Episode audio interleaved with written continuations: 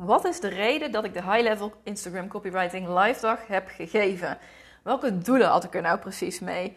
Hoe heb ik de verkoop en de organisatie aangepakt? Wat heeft de dag me gekost en welke omzet heb ik ermee gedraaid? En wat heeft de dag verder nog allemaal nog meer opgeleverd en welke inzichten heb ik eruit gehaald? In deze podcastaflevering uh, ga ik je hierin meenemen. Is dus ook zeker interessant als je erover nadenkt om wellicht ook een live dag te organiseren. Of als je gewoon benieuwd bent naar van hey, hoe gaat dat er achter de schermen nou allemaal aan toe? En um, ja, wat kan ik ervan leren, zeg maar, als leider voor, uh, voor mijn bedrijf? En natuurlijk ga ik ook antwoord op de vraag geven: komt er een nieuwe live dag, een nieuwe high-level Instagram copywriting live dag?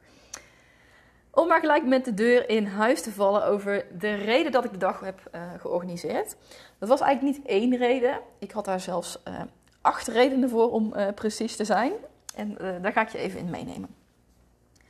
De eerste reden is dat ik eind 2000, ehm, wat was het, 2021, liep ik er eigenlijk tegenaan dat ik mezelf wilde gaan herpositioneren. Ik wilde een meer uh, gevorderde klant gaan aanspreken en mijn autoriteitspositie gewoon meer gaan, uh, gaan claimen. En daarom heb ik bedacht van ik ga zo'n live dag organiseren om mezelf nog veel meer op de kaart te zetten met alle commotie die er, ja, die bij zo'n live dag komt kijken. Want je promoot zo'n dag natuurlijk heel vaak. En um, bij zo'n live dag sta je natuurlijk voor een groep mensen.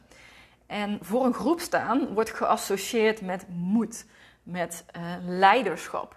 En dat leiderschap wilde ik dus heel erg benadrukken um, door simpelweg dus voor zo'n groep te gaan staan.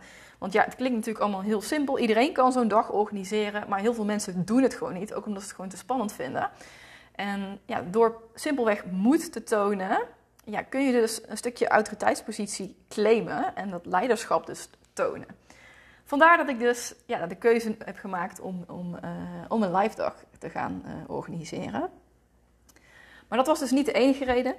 Een andere reden was ook dat ik dit zag als een soort ja, opstapje naar mijn No Limits Mentorship programma. Uh, dat is echt mijn traject waarin klanten één op één met mij kunnen samenwerken. En door een dag lang met iemand samen te zijn en dat mensen echt een dag lang ja, konden leren van mij, eh, konden vragen kunnen stellen, zeg maar. Ja, dan krijg, geef je eigenlijk een soort van kijkje in de keuken van hoe is het nou om met Tamara samen te werken. En daar kan iemand zich een veel beter beeld van vormen op zo'n live dag dan even met een paar posts of in een podcast. En ja, dat, dat geeft gewoon dusdanig veel um, vertrouwen ook dat de stap naar een, een, een, programma daardoor makkelijker te maken is. Dus het is ook um, ja, eigenlijk een instapproduct die ik op deze manier heb, uh, heb ingezet. Uh, nog een reden is dat de verbinding die je kunt leggen met mensen is live gewoon veel groter dan dat je online met een Instagram of met een podcast of uh, welk kanaal dan ook met je nieuwsbrief kunt doen. En verbinding is een van de emoties die nodig zijn voor het nemen van een aankoopbesluit. Mensen moeten vier soorten emoties uh, moeten er geraakt worden, wil iemand een aankoopbesluit nemen. En één daarvan is dat ze, ja, dat ze verbinding moeten voelen met jou, dat ze de aankoop aan jou moeten gunnen. Dus live kun je dat eigenlijk nergens, uh, ja, je kunt het nergens zo sterk doen als live. Dus dat was ook een, een motivatie van mij om ja, iets live te gaan organiseren. Ook wilde ik gewoon reuring rondom mijn bedrijf uh, uh, gaan creëren. Uh, dus dat is de vierde reden. En de vijfde reden is gelijk, ja, ik wilde mijn copywriting expertise veel meer claimen. hiervoor heb ik mezelf altijd business coach genoemd. En um, ja, ik wilde dat mijn expertise in het stuk copywriting, dat wilde ik gewoon veel meer op de voorgrond gaan zetten in mijn bedrijf. Dat mensen ook echt zien van, hey, dit is waar je echt voor bij mij moet zijn. En ja, op het moment dat je dan echt een live dag rondom zo'n onderwerp organiseert, ja, dan is het ook eigenlijk in één klap duidelijk dat dit, um, dat dit dus mijn expertise is. En um, vandaar dat ik dit dus echt ook dit onderwerp gekozen heb voor de live dag. En hiermee dus enerzijds ja, mijn expertise kon benadrukken en anderzijds heel veel reuring kon, uh, kon creëren hier rondom. Nou, de volgende reden sluit eigenlijk al een beetje aan op waar ik mee begon. Ik wilde ook gewoon simpelweg beeldmateriaal van mezelf voor die groep. Dus niet alleen hè, een keer een stories maken, maar ik wilde ook echt foto's. Dus ik heb ook echt een fotograaf ingehuurd die die dag ja, helemaal vast kon leggen. Zodat ik ja, dat, dat leiderschap nog veel meer kan tonen. Ook op mijn website, ehm, in mijn posts. Ehm, ja, op, op alle manieren in de marketing dat ik maar zou willen. Uh, nog een reden is dat ik deze dag heb gebruikt uh, voor het opnemen van video-reviews. Want ja, platte woorden ja, zijn natuurlijk hartstikke goed eh, om, als andere mensen iets over je zeggen. Maar een video-review is daarin gewoon vele malen krachtiger. Omdat mensen ook echt ja, de emotie, de energie die erbij zit, bij komt kijken, zeg maar, over kunnen brengen. En ja, je ziet ook bijvoorbeeld via een, een Instagram dat het algoritme met tekst en zoiets terugneemt. Dus ook daarin zijn video's gewoon steeds belangrijker vandaag de dag. En wilde ik deze dag dus gebruiken voor videoreviews. En daarom had ik dus ook niet alleen maar potentiële klanten op deze dag, maar ook een aantal mensen die al klant waren. Dus ik had echt een combinatie gemaakt van klanten en nog niet-klanten, waar ongeveer twee derde was dan niet-klant en een derde die was al wel klant. Dus zo heb ik dat gecombineerd bij elkaar. En de laatste reden, ja, dat is eigenlijk ook gewoon omdat ik het gewoon heel erg leuk vind uh, om te doen. Ik vind, ja, zeker na natuurlijk twee jaar lang corona, had ik enorm veel behoefte aan om ja, mensen gewoon offline te zien. Um, je, je, zit continu achter je laptop, achter uh, Zoom. En ja, hoe fijn is het dat je mensen ook gewoon even kunt, in de ogen kunt kijken, even kunt aanraken. Um, ja, echt gesprek ermee kunt voeren. Ik heb er ook echt een borrel aan vastgeplakt op het einde, zodat je ook echt nog, ja, dat je niet alleen maar een training aan het geven was en dat ik niet alleen maar aan het coachen was, maar dat ik op het einde ook echt even mijn coachpad kon afzetten en echt even gewoon, ja, tussen de ondernemers kon zijn en uh, gewoon een wijntje te drinken en uh, met een borrelhapje erbij. En zo op die manier, ja, dat ik ook de gelegenheid kon creëren voor de anderen om, om met elkaar ook gewoon te netwerken. Dus dat was voor mij ook nog een hele belangrijke motivatie om, uh, om dit te gaan doen. Nou, hoe heb ik die verkoop en die organisatie nou eigenlijk aangepakt? Om te beginnen heb ik uh, voor de eerste live dag, want misschien wel goed om te zeggen als je mij nog niet uh, lang volgt, ik heb inmiddels twee keer de High Level Instagram Copywriting een live dag gegeven. Eén keer op 18 mei en één keer op afgelopen 28 september. En bij de eerste editie heb ik eh, 20 mensen uitgenodigd met een gouden envelop. Nou moet ik heel eerlijk bij zeggen, volgens mij was de eerste keer een gouden brief en de tweede keer de envelop van goud. ik heb daar een beetje mee uh, gewisseld. En um, de tweede keer heb ik even uit mijn hoofd volgens mij 16 mensen uitgenodigd.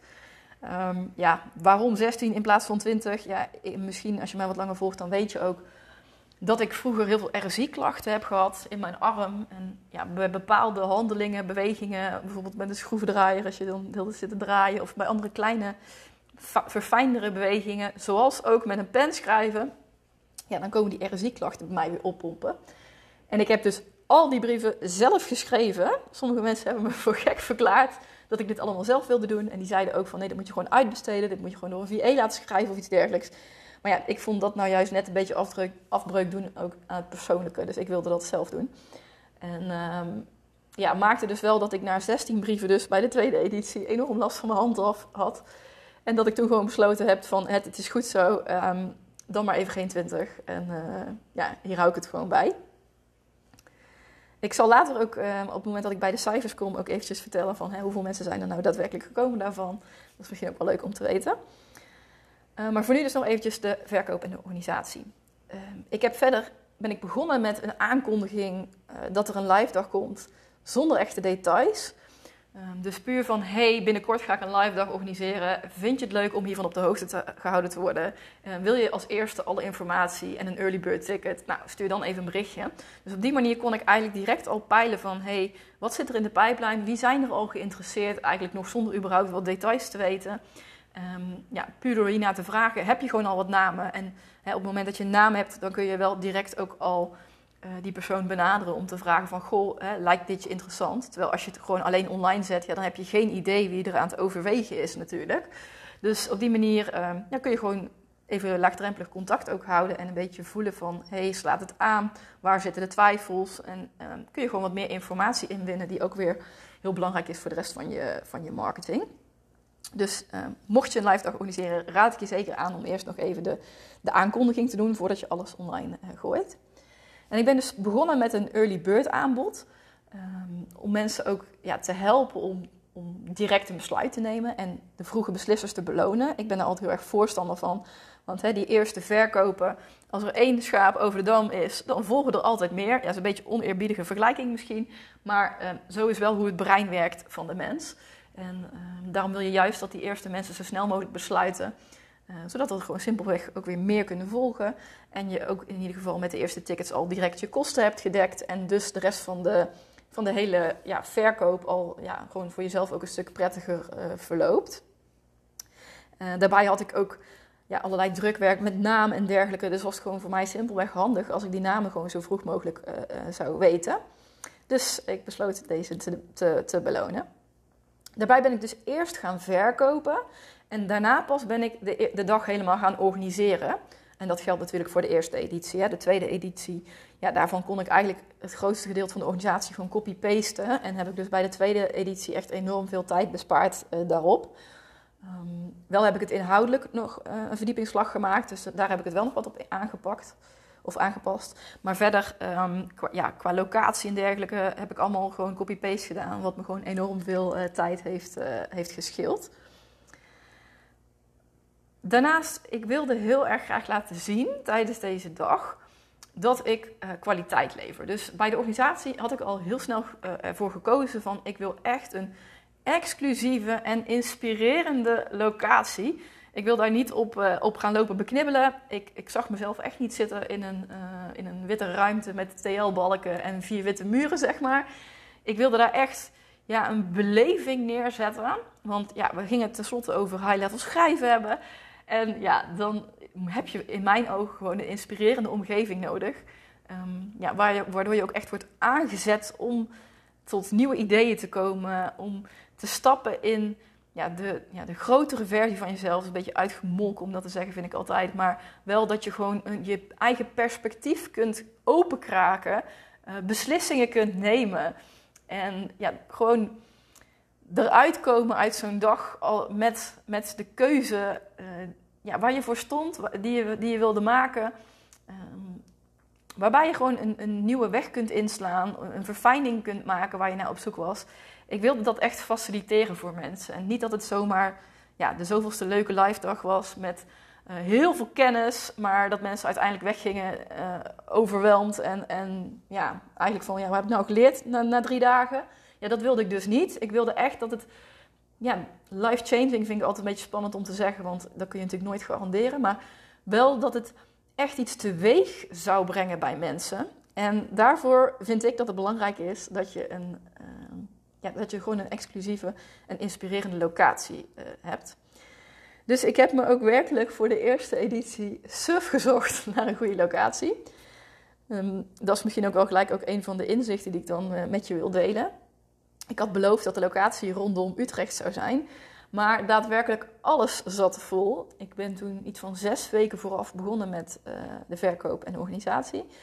En uh, ja, ik had beloofd, het zou rondom Utrecht zijn. Maar ja, er was gewoon echt niks meer te vinden. Behalve dan dus die witte plafonds, uh, TL-balken en witte muren. Die ik nou juist echt net niet wilde.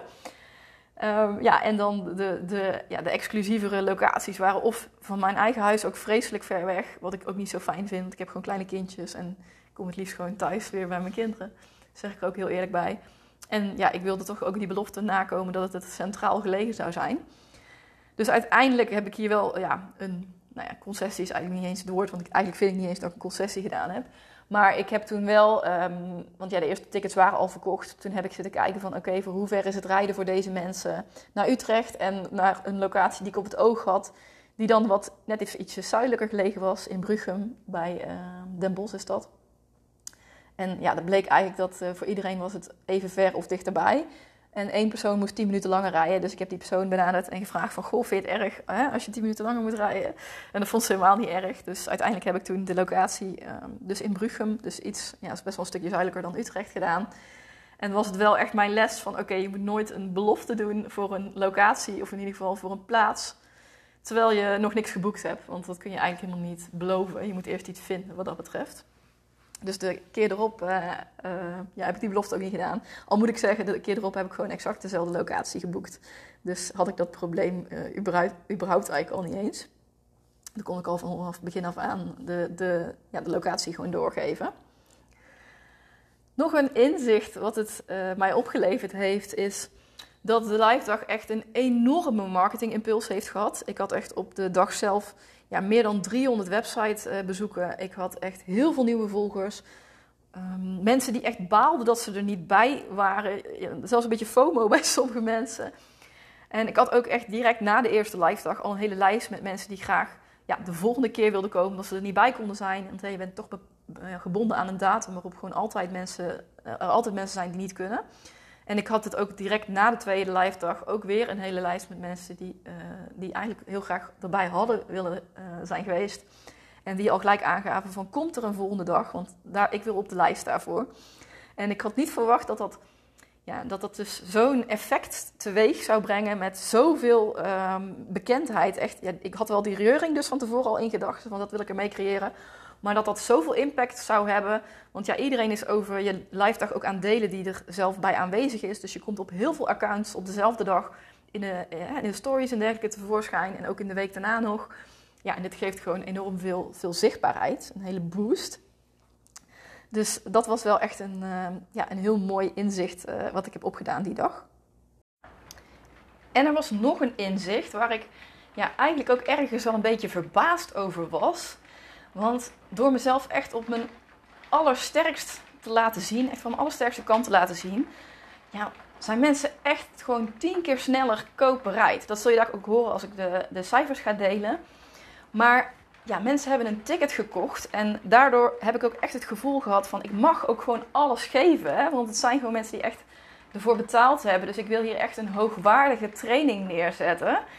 En ja, de, de bewondering die ik heb gevoeld na afloop van deze dag, die was echt huge. En ja, dat is misschien een beetje gek om te zeggen, maar zo heb ik dat wel echt ervaren. Dat mensen echt zoiets hadden van wauw, uh, uh, dit is zo tof om hierbij te zijn, om hier onderdeel van te zijn. En de dingen die ik heb geleerd, weet je, mensen die waren daar echt. Um, die hadden niet verwacht dat ze zoveel waarde zouden kunnen krijgen op één dag. Dat is echt wat ik terughoorde van de deelnemers.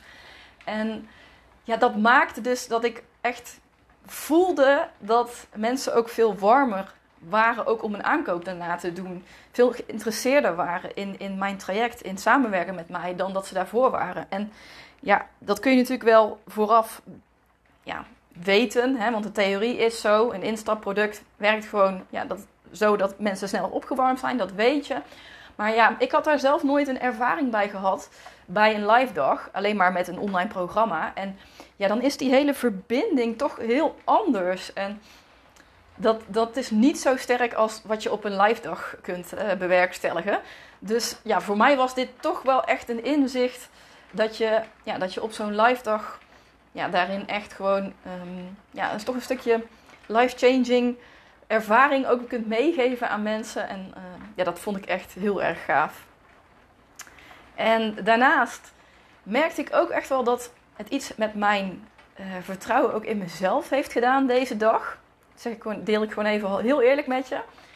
Uh, niet dat ik super onzeker was of zo vooraf, maar ja, mensen konden eigenlijk na één dag al zulke sterke posts schrijven. Dat ik echt dacht, wauw, weet je, ze zijn één dag bij mij geweest, één dag onder mijn hoede geweest. En dit is al het resultaat daarvan. En ja, dat maakte me toch ook wel echt heel trots. En dat vond ik gewoon echt ontzettend gaaf. Niet te beschrijven eigenlijk. Nou, natuurlijk waren er ook een aantal dingen um, ja, die wat minder waren. Die ga ik ook gewoon met je delen, eerlijk. Um, ja, een paar kleine dingen. Uh, ook een wat groter ding. Laat ik daar maar meteen mee beginnen. Uh, misschien heb je het meegekregen vanaf de zijlijn. Maar bij de tweede live dag was ik een paar dagen vooraf, werd ik gewoon enorm ziek. Dus ik heb met echt hele flinke griep op bed gelegen. En ja, daarin ook best wel harde keuzes moeten maken. Want het was die zondag dat ik echt goed ziek werd. Ik had echt 40 graden koorts. Kwam mijn bed eigenlijk niet uit. En uh, dat ik wel al een berichtje stuurde naar de eigenaresse van... Hey, luister eens, wat als ik nou woensdag nog ziek ben? En toen kreeg ik al heel gauw de reactie van... Ja, weet je, um, de kosten gaan eigenlijk gewoon door. Of je moet nu zeggen dat het, dat het niet doorgaat. En dan kan ik in ieder geval de boodschappen nog uh, uh, tegenhouden. En even voor je beeldvorming, ja, hè, boodschappen voor zo'n dag zijn, dan gaat het ook al direct over zo'n 600 euro. Dus um, ja, dat is allemaal geld natuurlijk, die je anders twee keer moet uitgeven als je het op een andere dag gaat, uh, gaat doen. Dus ik werd toen die zondag al direct gedwongen om te kiezen van ja, uh, ga ik hopen dat ik beter ben? Of ga ik bij voorbaat al afblazen en ergens wat kosten reduceren?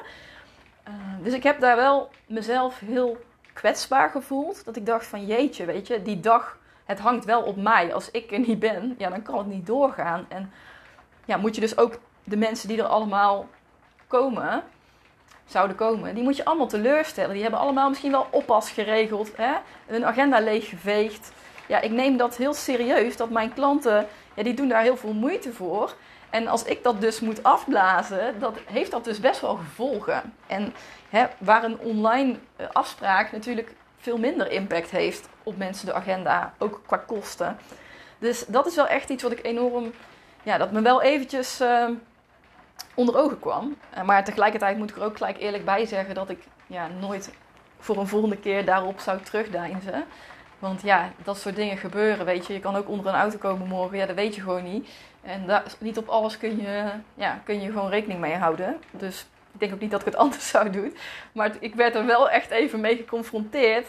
Dat, het, uh, ja, dat je soms ook echt even keuzes moet maken. En achteraf ben ik natuurlijk heel blij dat ik uh, gekozen heb om, uh, ja, om het gewoon door te laten gaan allemaal die zondag.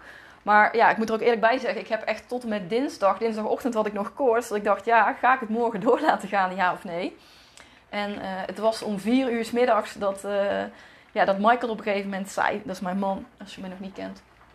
Die, die, dat hij zei, ik ga even naar de apotheek, ik ga proberen om nog het een en ander voor je te regelen. Ik had namelijk een enorme voorhoofdholteontsteking ook. En die koorts, ja, dat was al dusdanig gereduceerd dat ik dacht, hè, nog een nachtje slapen, dan durf ik wel op te vertrouwen dat dat weg is.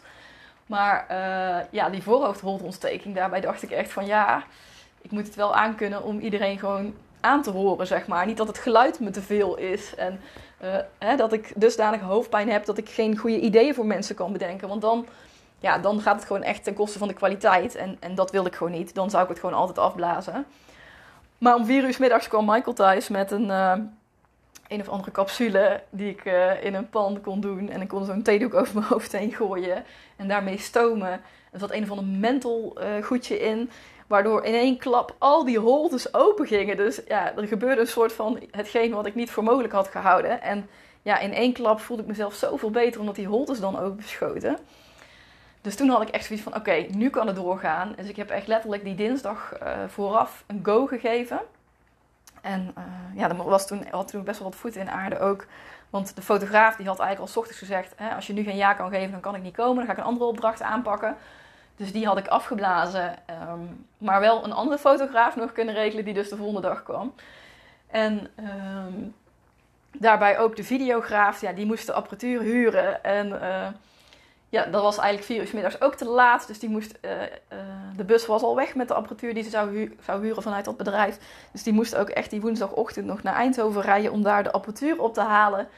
En uh, was dus ook iets later dan gepland. Dus het eerste uur heeft ze daardoor niet kunnen filmen.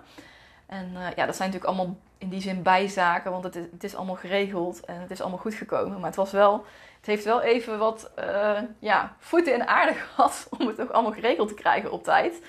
Door die ziekte dus, van mij. Maar goed, achteraf is dat dus uh, opgelost. En de volgende keer zou ik het ook niet anders doen.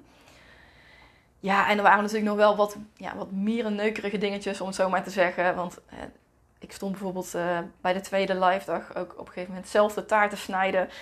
die we hadden geregeld als tussendoortje. En uh, ja, ondertussen werden mensen, die waren allemaal vragen op mij aan het afvuren. En ja, ik, ik ben wel echt iemand die moet een beetje focus hebben. Als ik ondertussen een taart sta te snijden die alle kanten op gaat en iemand stelt mij vragen. Ja, dat was gewoon niet zo fijn. Ik denk, oh, de volgende keer ja, moet ik gewoon zorgen dat er iemand is die dat doet. En daar moet ik gewoon helemaal niet staan te doen op zo'n dag. En um, ja, nog wat kleine dingetjes als bijvoorbeeld... Bij, ja, dat was vooral de eerste keer. De tweede keer heb ik dat al ondervangen dat bij binnenkomst, dat iedereen, ja, die komt natuurlijk op mij af, want ze komen ook voor mij. En ik was toen nog echt een beetje aan het voorbereiden ook, hè, de, de, de, de laptop aan het aankoppelen. Ik had daar geen assistent of iets dergelijks voor. Dus uh, ja, dan, dan wil je eigenlijk gelijk met mensen in gesprek, maar tegelijkertijd ben je ook nog bezig met de voorbereiding van de dag. Dus dat was toen ook niet zo praktisch. En heb ik toen de tweede keer, ja, heb ik dat afgevangen. En ben ik in een aparte ruimte, was het ook de make-up stylist gekomen. Die had mij toen helemaal opgemaakt. En kon ik eigenlijk in alle rust, zeg maar, opstarten. Dat mensen kwamen al binnen, konden al koffie drinken beneden en met elkaar kletsen. En ik was boven dus nog en ik kon even hè, mijn stories opnemen om eh, te laten zien hoe de dag begon. Uh, zonder dat iedereen dus al op mij afvloog. En ik kon eventjes 10 minuten even gewoon rustig zelf tot mezelf komen en gewoon starten. Uh, ook omdat ik natuurlijk nog uh, de dag ervoor gewoon nog, nog niet helemaal fit was, was dat gewoon heel fijn dat ik even nog een momentje voor mezelf had. En dat was wel goed bevallen, moet ik zeggen. Dus die heb ik de tweede keer al, al ondervangen. En ja, als laatste, dat was ook, ja, dat is ook eigenlijk maar iets kleins, wat niet zoveel voorstelde. We hadden de eerste keer hadden we de borrel hadden we buiten. Dus dat was gewoon echt super mooi weer. Het was 28 graden we hadden een heel terras met allemaal zitzakken en een heerlijke borrelplank buiten. Van die mooie uh, parasols. Waardoor het was echt een hele gezellige sfeer. We zaten letterlijk tussen de appelbomen. En uh, ja, in ons eigen privéterras met prachtig uitzicht. Uh, zaten we heerlijk te borrelen. Dus ik was gewoon eigenlijk een beetje verwend met die eerste keer, in alle eerlijkheid.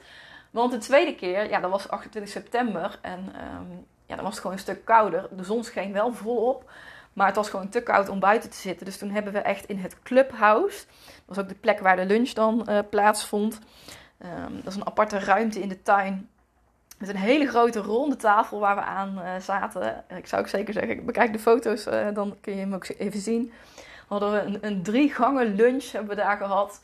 En echt hoogwaardige, ehm, echt hoogwaardige producten. Echt die vrouw kan partij koken ik weet nog wel dat ik daar aankwam en dat ze, dat ze, dat ze toen zei: Ja, de catering, hè, daar hebben we verschillende partijen voor geprobeerd, maar dat is allemaal niks. Ik doe het zelf. Dus ja, ik dacht: Nou, dat is tof, weet je wel, prima. Je doet het zelf. Ja, maar dan, dan denk je: Nou, dan zal het wel goed zijn. Maar het was niet goed. Het was echt gewoon, ja, gewoon uitzonderlijk. Gewoon wat daar op tafel kwam. Dat ik echt dacht: van ja, maar je zei dat je het zelf ging doen. Ja, dan verwacht je niet dat je in een soort van drie sterren uh, of een vijf sterren uh, menu lunch krijgt. Met uh, een saladebar hadden we. Ze had een soort panna cotta toetje gemaakt. En hele verse gemaakte pompoensoep vooraf. Nou, het was zo, zo fantastisch. Dat ik, ja, ik sloeg daar gewoon behoorlijk stel van achterover. Omdat ze had gezegd, ik ga het zelf doen. Ik had dat in ieder geval niet verwacht. En, uh, maar wat ik dus wilde zeggen, dus de borrel die hadden we dus ook op diezelfde locatie, dus in dat clubhouse aan die hele grote tafel. En um, ja, dat was voor de borrel was dat gewoon niet zo handig. Want ja, voor de lunch was het heel gezellig, zo'n grote ronde tafel. Maar met borrelen wil je toch een beetje staan, lopen. Dus we stonden een beetje met z'n allen rondom die tafel. En er was net te, weinig ruimte, zeg maar, om, ja, om uit te wijken, om, uh, um, ja, een beetje rond te lopen, zeg maar. Dus dat was niet echt optimaal. En daarvan zei de eigenaresse ook: ja, de volgende keer gaan we de borrel hier ook niet meer doen. Dan moeten we het gewoon even in een andere ruimte doen. Dus, uh, maar goed, weet je, uiteindelijk is dat natuurlijk ook allemaal goed gekomen. En was dat echt geen drama. Want we hadden wel gewoon een lekkere borrelplank, een, leuke, lekker wijntje erbij. En iedereen kon gezellig nog eventjes nakletsen van de dag. En elkaar wat beter leren kennen ook. We konden ook echt even netwerken met elkaar. Dus dat is echt, uh, ja, bijzaak in die zin. Dus daar ben ik ook niet. Uh, treurig om of iets dergelijks. Nou, laten we het dan even over de cijfers hebben. Want ik denk dat je dat wellicht ook interessant vindt om, uh, om te weten. Van, van wat heeft nou uh, zo'n live dag gekost? Zeker ook omdat het natuurlijk behoorlijk exclusieve locatie was. Uh, maar ook hè, die lunch, die ik al zei, drie sterren lunch. Hè, en wat, wat levert het nou op zo'n dag? Ik kan me ook voorstellen dat als je denkt van ik wil zelf zo'n event gaan draaien. Van ja, van waar, waar, moet ik dan eigenlijk allemaal mee rekening houden. Dus ik um, ga hier gewoon eventjes een kijkje in de keuken geven. Nou, goed om te weten is dus dat ik, ik wilde echt een high-end beleving met comfort, met luxe. En echt dat mensen ja, gefaciliteerd werden om zich gewoon groots te voelen, te denken en ook gewoon te gaan doen. En um, ja, weet je, um, ik had ook zoiets van, ik wil dat faciliteren, maar ook het beeldmateriaal, hè, als ik voor de groep sta met uh, die tien, dat, dat was voor mij ook belangrijk dat daar een bepaalde sfeer bij zit. Um, dat is toch ook uiteindelijk de sfeer die ook weer op bijvoorbeeld je feed terechtkomt. Uh, dezelfde sfeer, dat, die komt natuurlijk ook op je website terecht. Dus daarin is een locatie best wel bepalend. En dan, dan vind ik het heel belangrijk dat je een goede locatie hebt. En dat heb ik natuurlijk net ook al gezegd. Maar dat was voor mij wel dusdanig belangrijk dat ik wel had besloten van ja, daar ga ik niet op bezuinigen. Uh, dan maar liever wat meer uitgeven. En dat ik daarna ook echt gewoon goede foto's heb. Dat ik uh, een fantastische sfeer neerzet. En hè, als alles zo goed is, dan maakt mijn presentatie niet meer uit. Nee, grapje. Hè? Je staat gewoon al met 1-0 voor op het moment dat, dat de hele sfeer goed is. Hè? Als de rest goed is, dan, ja, dan kun je mensen een goed gevoel geven. En ja, het gevoel daarbij is gewoon natuurlijk ook heel belangrijk. En mensen nemen ook een, een aankoopbesluit op basis van emotie en, en niet op de ratio. En dat weet je ongetwijfeld, hoef ik je niet te vertellen. Maar ja, bij zo'n emotie hoort dus ook dat je een goed gevoel kunt neerzetten. En ja, locatie is daarbij gewoon heel belangrijk. Dus ik heb zeker niet bezuinigd daarop. Um, dus dat wilde ik nog even meegeven.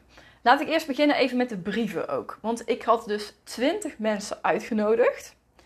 En daarvan zijn er twee de eerste keer gekomen, dus die 18 mei. En dan moet ik er ook eerlijk bij zeggen, ik had zo'n 10 mensen uitgenodigd die mij echt al kenden, dus die wat warmer waren.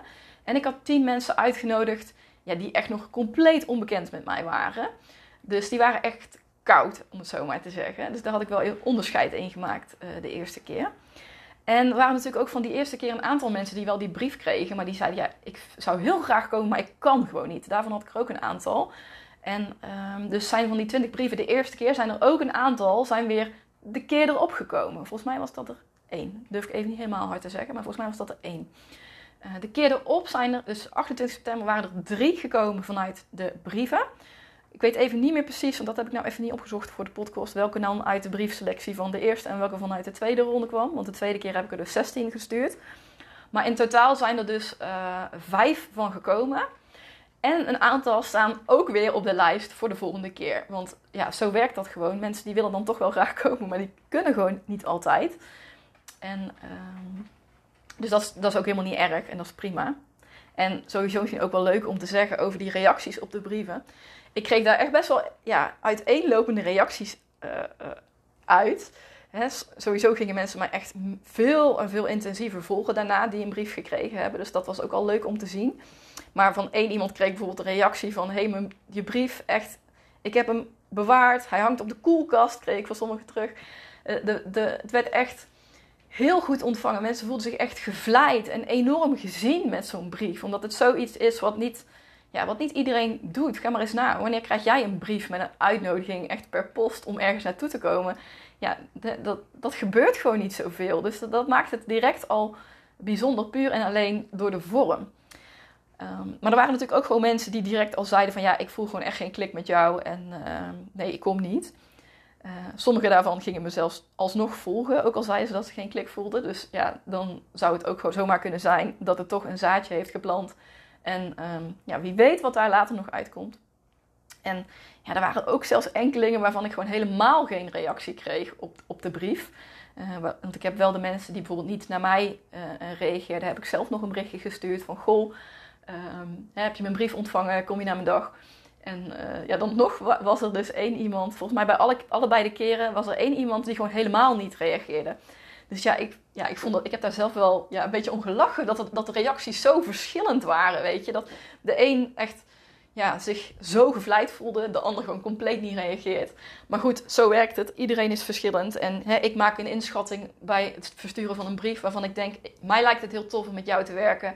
En ik selecteer op basis daarvan iemand. Maar hè, zo werkt het altijd. Soms loop je gewoon een blauwtje, in de, zoals in dit geval. En uh, ja, dat hoort erbij. En uh, dat is ook helemaal niet erg. Wie niet waagt, wie niet wint.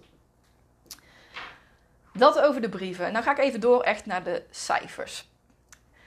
Uh, moet ik erbij zeggen dat sommige kosten, die heb ik natuurlijk de eerste keer gemaakt, maar kon ik, daar kon ik de tweede keer weer op meeliften. Zo had ik bijvoorbeeld in die brieven had ik bijvoorbeeld een, uh, een QR-code gezet.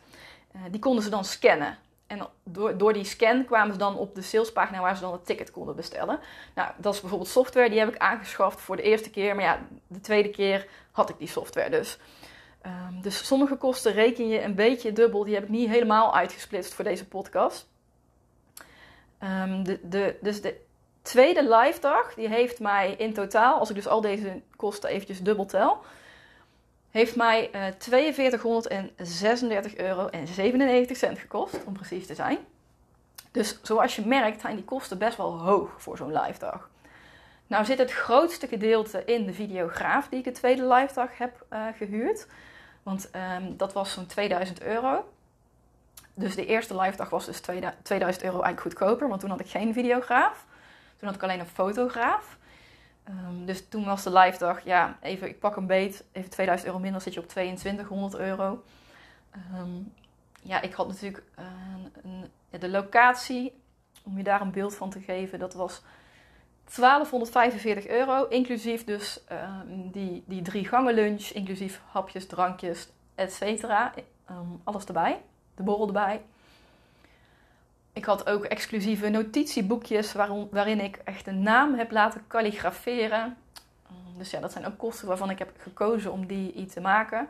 Uh, daarentegen hoefde ik dus niet losse naambordjes uh, uh, te kopen of te regelen, want iedereen had een notitieboekje met een naam erop. Dus zo kon ik gelijk al ja, de hele placering zeg maar, maken met de notitieboekjes. Ja, denk ook aan bijvoorbeeld drukwerk. Hè. Ik had een, um, ja, zo'n mapje met de losse insteekopdrachten die ik dan uitdeelde tijdens de live dag. Um, ik heb handouts uh, laten drukken. Uh, die mensen ook echt mee kunnen maken. Dat zijn eigenlijk gewoon twee hele grote A4 luxe brochures. Waarin dus mensen een, enerzijds mijn content stappenplan kregen om doorlopend de meest passende klanten aan te trekken. En anderzijds ja, kregen ze de high-level copy methode, waarmee je ideale klant triggert in het brein tot het nemen van een aankoopbesluit. Dus die twee kregen ze gewoon echt in, ja, echt in een heel exclusief boekje, in een mapje mee naar huis. Dus dat, dat, dat, ja, dat hoefde gewoon niet alles te onthouden tijdens die dag. Uh, want ja, weet je, ik weet gewoon als geen ander. Op een gegeven moment zit je gewoon vol in je hoofd en je kunt gewoon niet alles onthouden. En ik wilde wel dat ze die belangrijke dingen mee zouden krijgen. Juist ook omdat ik een hoogwaardige training neer wilde zetten. Dus die boekjes kregen ze mee naar huis. En uh, daar heb ik ook gewoon in geïnvesteerd. Um, ja, voor de rest zijn, kun je denken aan bijvoorbeeld die website werkzaamheden. Ik heb gouden enveloppen. Ik had van die lakzegels, weet je wel. Ik weet niet of je weet wat een lakzegel is, maar dat is zo'n, ja, dat is een, van, van een soort ehm, PVC-achtig, ja, wat is het? Ja, een soort, uh, ik weet eigenlijk niet wat voor materiaal het is in alle eerlijkheid. Uh, het is denk ik geen PVC, het zijn van die een beetje kaarsachtige materiaal is het. En daarmee laat, dat maken ze dan vloeibaar en dan zetten ze een soort stempel in. En daarmee kun je dus een, een brief, een envelop afsluiten. Dan ziet het er dus echt mega exclusief uit als je dat dus per post ontvangt. Dus ja, daarin heb ik ook wel best wel ja, wat in geïnvesteerd. Dus op dat soort dingen heb ik niet, uh, niet bespaard. Maar voor de rest heb ik natuurlijk ook ervoor gekozen om juist heel veel dingen niet te doen. Hè. Ik heb dus niet de hele, um, de hele locatie aangekleed met mijn logo of met mijn merk. Um, ik had geen VA of assistent op die dag. Dus er zijn ook een hoop dingen ja, waarin ik geen uh, kosten heb gemaakt. Kijk, je kunt het zo gek maken als je zelf wil. En daarin, um, ja, moet je gewoon keuzes maken van hoe wil je het neerzetten. En um, ja, zo heb ik het dus gedaan. Dus uh, de eerste keer waren de kosten dus 2200 euro. En de tweede keer dus zo'n 4200 euro. En wat heeft het me nou opgeleverd? De eerste keer, ik ga eventjes de cijfers erbij pakken. De eerste keer heeft het mij uh, eh, 24.795 euro opgeleverd. Dus um, ja, als je dan die kosten eraf haalt, dus eigenlijk moet je dan de 2200 eraf halen, um, omdat uh, die andere 2000 is eigenlijk van de vorige keer. Anders ben je een beetje appels met, peren aan het uh, vergelijken. En oh, dan pak ik even mijn rekenmachine erbij. Ik ben echt, ik kan echt totaal niet hoofdrekenen, kan ik gelijk bekennen. Waarschijnlijk ook omdat ik gewoon daar te lui voor ben en ik niet, niet gewend ben. Maar dan heeft het me dus 22.595 euro opgeleverd, die eerste uh, live dag. Uh, de tweede live dag heeft dus 4200 euro gekost. Ja, wat het opgeleverd heeft, kan ik eigenlijk nog niet met alle eerlijkheid zeggen. Want uh, er lopen nog allerlei verkoopgesprekken vanuit de live dag ook. Dus um, ja, dat, dat is niet helemaal reëel om dat nu te delen. Dat, uh, dat stroomt allemaal nog. En ja, wat ik hier niet bij meegerekend heb, zijn natuurlijk alle geplante zaadjes die later nog terugkomen. En ja, dat is natuurlijk niet in geld uit te drukken nu. Maar ik weet dat heel veel mensen vanuit die brieven zijn mij allemaal gaan volgen, uh, reageren ineens op mijn stories, zoals ze me daarvoor eigenlijk niet uh, zagen staan, om zo maar te zeggen. Um, ja, ik heb echt mijn autoriteitspositie versterkt hiermee. Wat ik ook van plan was. Dat is echt gelukt. Ik krijg heel vaak terug te horen van jeetje Tamara, wat super tof dat event van jou. Uh, Tamara, wauw, jouw foto's, jouw hele branding, jouw hele positionering, hoe je dat de afgelopen tijd gedaan hebt, daar heb ik zoveel bewondering voor. Ja, dat is echt iets, ik hoor dat bijna wekelijks op het moment. En uh, ja, dat vind ik toch wel heel erg tof dat dat, ja, dat, dat, dat gewoon, ja, daar heeft gewoon die live dag ook gewoon aan bijgedragen. Dat weet ik gewoon, gewoon zeker. Um, maar ook het, het marketing shot van alle mensen die erover delen, weet je wel. Het heeft echt gewoon een mega injectie gehad in mijn bedrijf, twee keer. Um, met, met wat ik al zei, die 300 website bezoeken op één dag. Uh, iedereen die erover deelt een week lang. Je bent gewoon echt een veelbesproken onderwerp even, omdat het iets is... Ja, het, niet zoveel mensen doen het gewoon. Dus dat is gewoon waardoor, het, ja, waardoor veel over gedeeld wordt. Mensen die vestigen ineens de aandacht allemaal op je. Dus dat heeft dan gewoon even een kettingreactie op, ja, op die momenten. Ja, het heeft natuurlijk ook heel veel extra volgers opgeleverd. De eerste keer weet ik eerlijk gezegd niet meer helemaal precies. Want daar heb ik toen niet op gelet, omdat ik natuurlijk ook geen podcast met cijfers ging, ging uh, uh, maken. Maar de tweede keer ehm, waren er gelijk iets van 25 volgers uh, die erbij kwamen na de dag zelf. er is gewoon heel veel reuring rondom geweest. mijn copywriting expertise heb ik hiermee ook echt op de voorgrond kunnen zetten zoals ik van plan was. En ja, wat ik ook gewoon weet en waar ik op vertrouw. Hè, ik heb natuurlijk de afgelopen keer een videograaf laten komen. En die heeft een aftermovie gemaakt van de live dag. En ik ben daar op dit moment op aan het wachten. En ik heb ook al een eerste versie gezien. En ja, ik was ook echt wel diep ontroerd van die uh, aftermovie. Mag je best weten. Omdat er worden zulke mooie woorden gezegd. Uh, die, die beelden van die dag en dan met dat muziekje erbij. Ja, dan denk ik echt, wauw, ben ik dat, weet je wel. Zeggen mensen dat over mij? En um, ik weet zeker dat die aftermovie, dat dat, nog, ja, dat dat ook nog echt veel voor mijn marketing gaat doen. Dat dat nog weer mensen over de streep gaat trekken voor, uh, voor een volgende keer. En uh, ik heb ook drie video-reviews laten maken, dus van klanten. En ook die, daarvan weet ik zeker, ja, ook dat gaat natuurlijk weer zijn werk doen voor mij. Dus ook ja, die investering ga ik ook nog terugverdienen. Daar, uh, ja, daar vertrouw ik gewoon op. Daar ben ik ook gewoon van overtuigd. Dat dit mij de komende tijd ook nog gewoon omzet gaat opleveren. Zo, dat was het denk ik wel van, van de cijfers en de live dag. Wat er allemaal te vertellen over is. En misschien denk jij nu van, ja maar Tamara, hmm, ik baal eigenlijk een beetje dat ik er niet bij ben geweest. Denk je nu van, ja maar ik wilde de volgende keer bij zijn. Wil je ook leren hoe je de juiste investeringsbereide klanten kan aantrekken voor jouw hoge geprijsde aanbod van misschien 5, misschien 20 of misschien 15k. In deze week dat de podcast uitkomt, want ik neem deze iets eerder op dan dat ik hem uh, plaats, ga ik een voorverkoop starten achter de schermen voor de volgende editie van de High Level Instagram Copywriting Live Dag. Je mag het weten, want ik ben nu toch al zo open over cijfers. Er staan inmiddels 18 mensen op de lijst die um, bij mij al aangegeven hebben van ik wil graag weten wanneer die volgende dag komt. Dus die ga ik ook uh, benaderen in de week dat deze podcast online komt. En uh, zij krijgen als eerste de kans om een early early bird ticket te claimen. Um, dus echt voor een no-brainer prijs wordt dat. Dat zijn ja, zo'n 10 tot 14 plaatsen. Er komt een nieuwe locatie, daar ben ik op dit moment nog mee bezig. Die is nog niet definitief. Maar er zijn waarschijnlijk 10 tot 14 plaatsen. Uh, en er staan dus al 18 mensen op de lijst. Nou weet ik uit ervaring dat er altijd weer mensen zijn die niet kunnen. Dus laat je er niet door tegenhouden. Denk je erover om ook te komen? Ben je gewoon benieuwd wanneer dan die volgende dag is? Stuur me dan even een DM en dan krijg je gewoon als allereerst van mij de info over deze dag. En ook als allereerste de mogelijkheid om jouw plek te claimen tegen echt een no-brainer investering. Als je terugkijkt naar, ja, naar de reacties, naar wat er geleerd is, wat er gedaan is, wat mensen konden daarna aan het schrijven van, van een post. Dan weet ik gewoon zeker dat je met één inzicht op deze dag ja, die investering er al uit uh, hebt.